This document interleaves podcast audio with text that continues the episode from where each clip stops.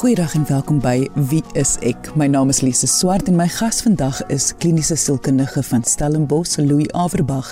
En ons gaan vandag gesels oor selfdiagnose en die gevare daarvan. Ja, natuurlik, dit voel soos 'n voor die hand liggende onderwerp, maar wanneer dit kom by sielkundige diagnoses veral, is die wêreld, en dit is natuurlik as gevolg van sosiale media, besig om hulle self te diagnoseer. So, hoekom is dit so gevaarlik? Veral as die persoon dalk heeltemal reg is oor hulle diagnose. En ons gaan 'n bietjie kyk daarna vandag. Indien jy enige vrae het, kan jy ons kontak deur die webwerf gaan net na www.wieisek.co.za. Kom ons luister nou eers na my gesprek met Louis Averbag oor selfdiagnose. Louis, laat ons nou maar net eerlik wees, net omdat sosiale media nou iewes skielik 'n lig hierop gesit het. Selfdiagnose is nie 'n vreemde ding nie. Dis nie iets wat nou hier uit die lug uitgeval het nie. Dit gebeur nou al vir jare. Ja, die internet en die wêreldwye web maak dit net baie makliker. Maar dit is tog iets wat ons nog altyd gedoen het al die jare. Dit is in die aard van die mens en dan is niks meer verkeerd nie, nê. Nee. Mense wonder, wat beteken die goed wat jy raak sien van jouself? Dis tog 'n baie egte 'n uh, 'n menslike ding. Jy kom agter jy tree anders op as gewoonlik. Jy hoes dalk meer of jy het 'n pyn waar jy nie 'n pyn gehad het nie en jy begin wonder wat dit is. Ons hou nie daarvan om met onsekerheid saam te leef nie. So ons begin hipoteses vorm. Ons raak nuuskierig, ons vind uit, ons hoor by ander mense, ons bel of ons gaan op die internet as ons internet het. Maar dit is nog maar altyd wat die mens gedoen het en en en met goeie reg ook, né? Nee? Dit is ook 'n voortbestaan of 'n oorlewingsdryf. Ons hou nie daarvan dat daar iets fout is, maar ons weet nie wat dit is nie. Ons wil weet.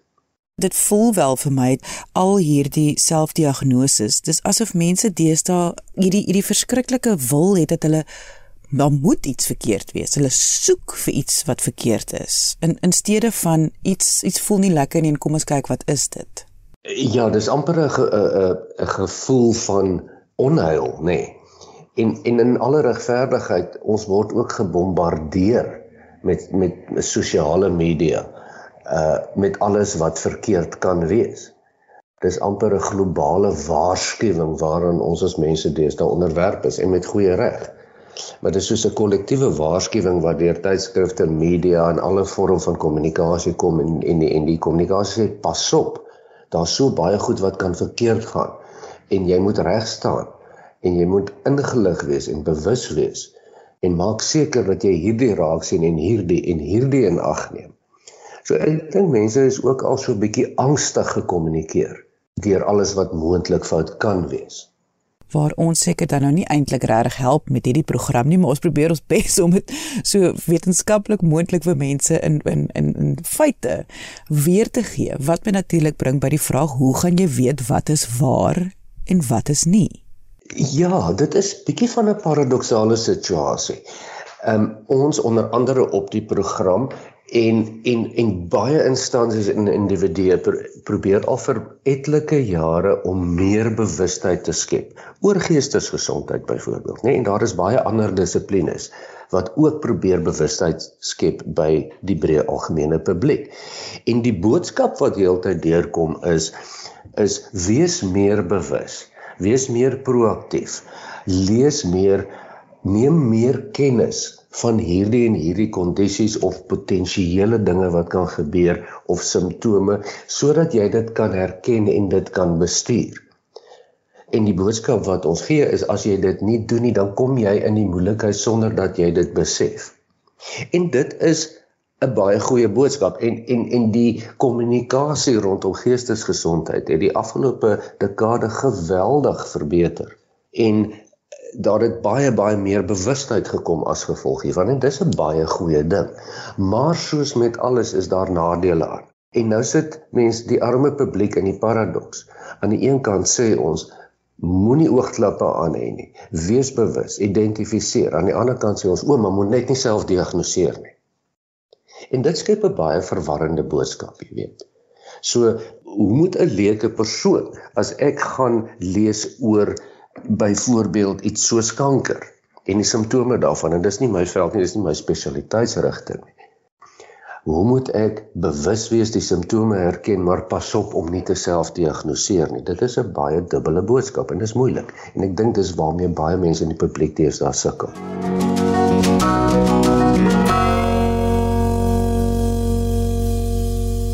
Wanneer mens praat van depressie ervaar of angs ervaar, selfs bipolêre verstoring. Die deel wat ek dink die publiek die meeste mee sukkel is dat alles het te doen met menslike emosies. Dit is nie iets wat vreemd is, 'n vreemde ding wat ander mense ervaar nie. En ek dink dis waar mense bietjie vashak. As jy net bloot die lys van simptome gaan kyk vir 'n sekere ouderdomsgroep, dan gaan jy dit eintlik anders van toepassing kan maak as jy nie heeltemal weet waar waar die waar die klok hang nie. So dit raak 'n wollerige taak om te probeer agterkom maar is hierdie goed nou op jou van toepassing om nie veral soos wat jy sê waar die gemoed beïnvloed word. Want dit is moeilik om 'n gemoed te beoordeel as jy nie elke dag daarmee werk nie. Jy weet jy, jy lees 'n ding en jy sê my genade my gemoed is af. Maar jy kan dit nie eintlik meet teen ander mense van jou portuïergroep se gemoed nie jy het nie daai breë beeld nie en en en jy's heeltemal reg waar dit dan kom by veral uh, kondisies wat die gemoed beïnvloed kan mens lelik klei trap met diagnoses hoor of veral met selfdiagnoses. Ek dink wat ek probeer ook sê is ag baie keer mense sal dink 'n persoonlikheidsversteuring is iets wat so duidelik gaan wees. Jy gaan dit so duidelik sien dit gaan so anders wees as mens wees. En dat mens uh, as mens dan nou gaan kyk, uh, jy dink jou jou man is dalk 'n um, antisosiale persoonlikheidsversteuring wat ons nou ons psigopaat is. Nou gaan lees jy sê net maar nou die simptome. En ek het nou sommer 'n lysie hier voor my en een van hulle is impulsiwiteit of 'n gebrek aan vooruitbeplanning of irritasie en aggressie soos aangedui deur insidente van fisieke geweld. Roekelose ignorering uh van gebeure. Nou al daai kan enige mens op aarde op enige tyd wees of ervaar en dit voel vir my dit is waar die die groot gevaar is. As jy kan hierdie lees, dis mens wees. Maar nou jy het nie die kennis dan om dit te kan interpreteer tot die punt waar dit dan 'n persoonlikheidsversteuring is nie. Ja, jy noem 'n baie goeie voorbeeld, Lise, en ek dink ons kan met daardie voorbeeld werk. Ek en baie ander sielkundiges kry gereeld en en in in in regtig gereeld die situasie waar uh, iemand vir 'n afspraak sal kom en sal sê luister ek sit met 'n probleem. My man is 'n narcis en die persoon sal sê maar ek het navorsing gedoen. Ek het met ander mense gepraat. Ek het gaan oplees dit het my maande gevat om hieroor te lees en te dink en met mense gepraat en hier sit ek nou by jou en die probleem is my man is 'n narcis en en dit dis amper 'n diagnose nê. En ek kan vir jou 100% amper beloof dat feitelik elke persoon wat dit sê, het die kat aan die stert beet. En dit is presies om omrede die simptoomlyste en natuurlik onverantwoordelike ehm um, media en en artikels wat wat hierdie populêre beskrywings uh propageer en en promoveer.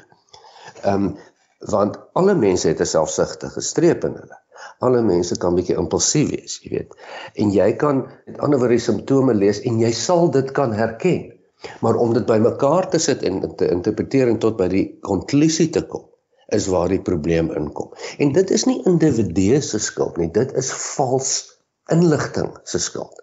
Dis mense wat links, regs en oral oor artikels skryf, boeke skryf, eh, praatjies doen En kom ons kom ons doen byvoorbeeld hierdie sommer as 'n voorbeeld oor hoe om hoe om om iemand te raak te sien wat na, wat 'n narcis is. Dit is net 'n voorbeeld Lise, maar dis 'n baie goeie voorbeeld van 'n totale foutiewe selfdiagnose of diagnose op ander mense en dit is omtrent altyd verkeerd want dit werk nie so nie. Jy luister na Wie is ek? My naam is Lise Swart en my gas vandag is kliniese sielkundige van Stellenbosch, Louis Averbag. En ons praat vandag oor die gevare van 'n selfdiagnose, veral as dit kom by sielkundige diagnoses. Indien jy enige vrae het, kan jy ons kontak deur die webwerf gaan net na www.wieisek.co.za. of deur ons Facebookblad onder Wie is ek SA. Indien jy nou ingeskakel het en graag die volledige episode wil luister, onthou jy kan die pot gooi gaan luister op RSG se webwerf. Gaan net na rsg.co.za. Maar kom ons luister nou verder na my gesprek met Louis Averbag oor selfdiagnose. Louis, ek dink mens moet hier kan onderskei tussen wat jou beroep is, wat 'n sielkundige se rol is binne die konteks van hierdie simptome en die persoon wat dan voor jou sit. Hoe maak jy 'n diagnose? Ja, kom ons ons moet net mooi onderskei. Ons ons moedig graag mense aan en ons vra baie mooi. Dit help ook vir ons baie om bewus te wees van van van simptome, bewus te wees van breë trekke, hoe om te kyk na dinge. En dit is goed dat mense dit doen. Mens mens vra dit, mens moedig dit aan, mens respekteer dit.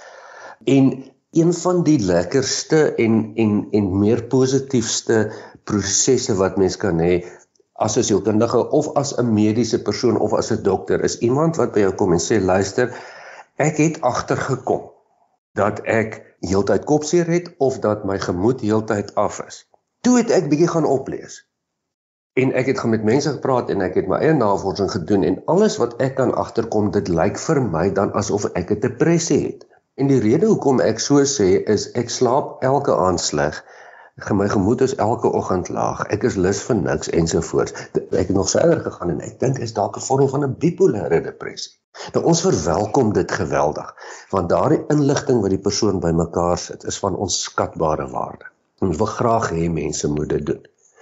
Maar om jou vraag dan te antwoord moenie die finale konklusie maak nie want as jy daai konklusie daai gevolgtrekking gemaak het vir jou dan vorm jy vir jou 'n definisie wat tot jou eie nadeel kan wees.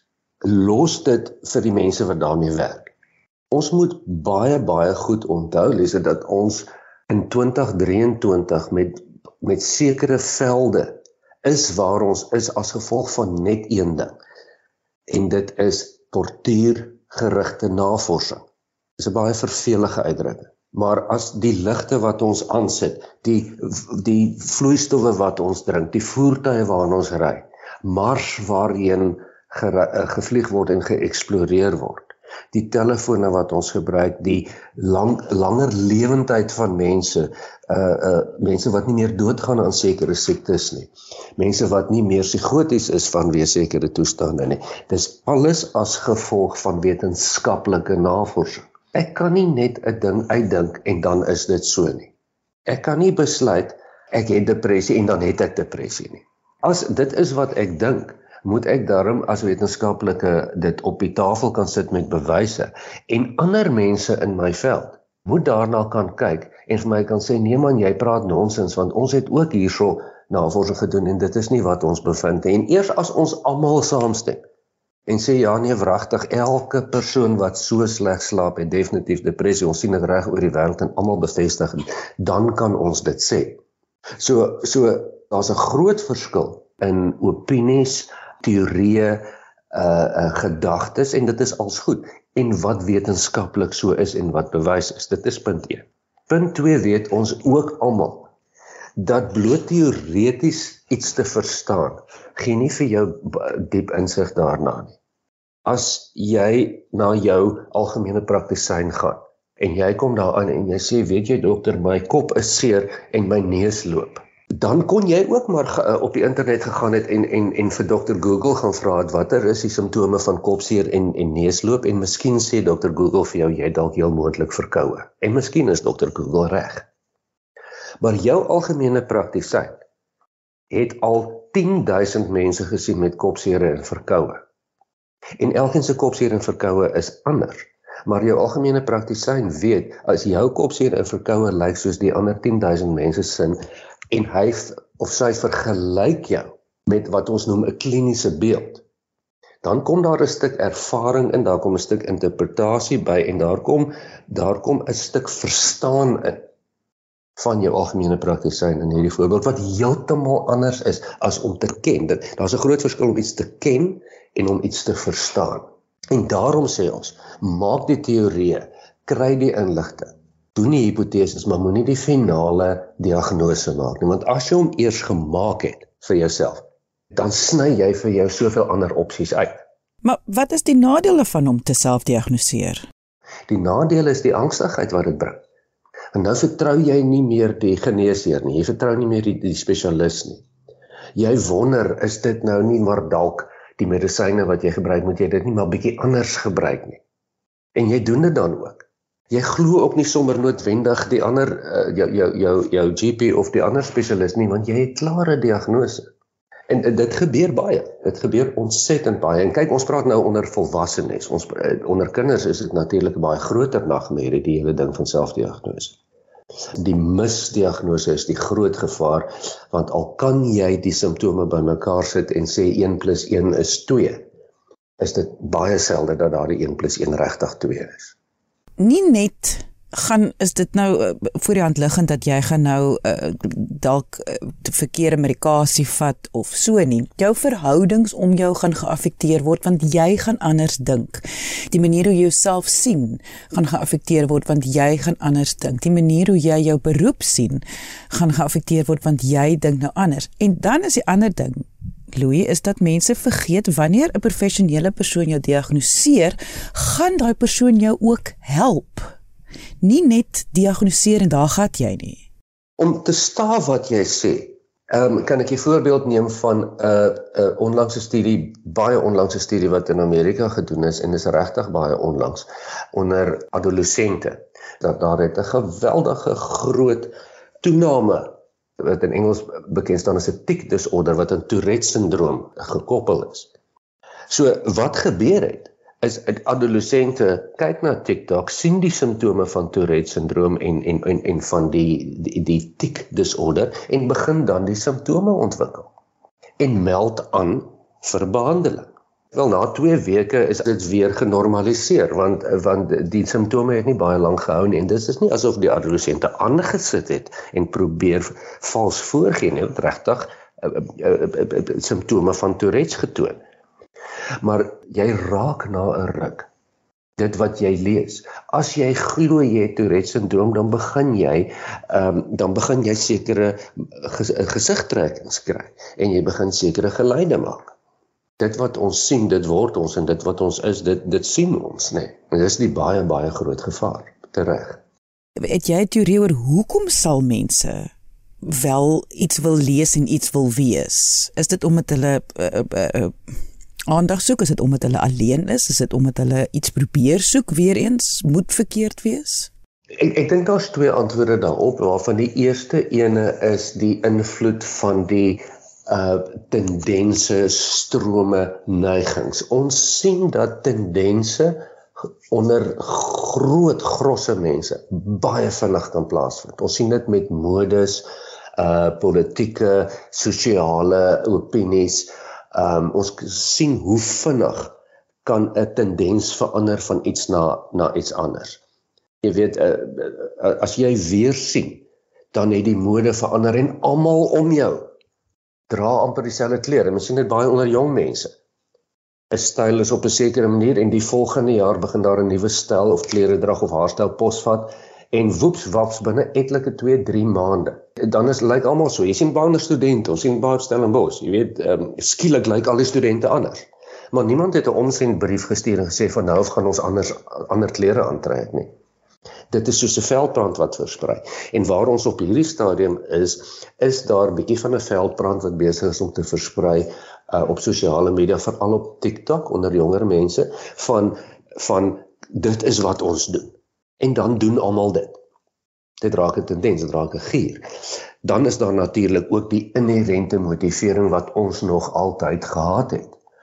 Ons is geprogrammeer vir oorlewing nog al die jare en ons ons ons is ingestel daarop om op te let na enige iets wat anders is as die normale.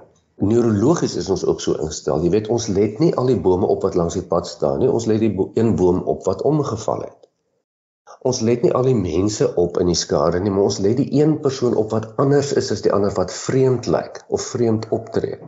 En dis dan ook dieselfde by onsself.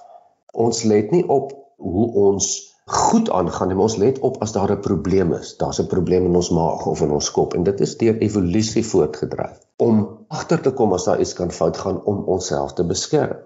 En mense doen dit. Ons ons almal doen dit. Ons sal sê, "Jesla, weet jy, ek het die afgelope week al het ek hierdie dowwe kol pyn hier in my maag. Ek wonder wat dit kan wees." Dan sal jou vriend sê, "Jong, jy moet seker maar by die dokter uitkom.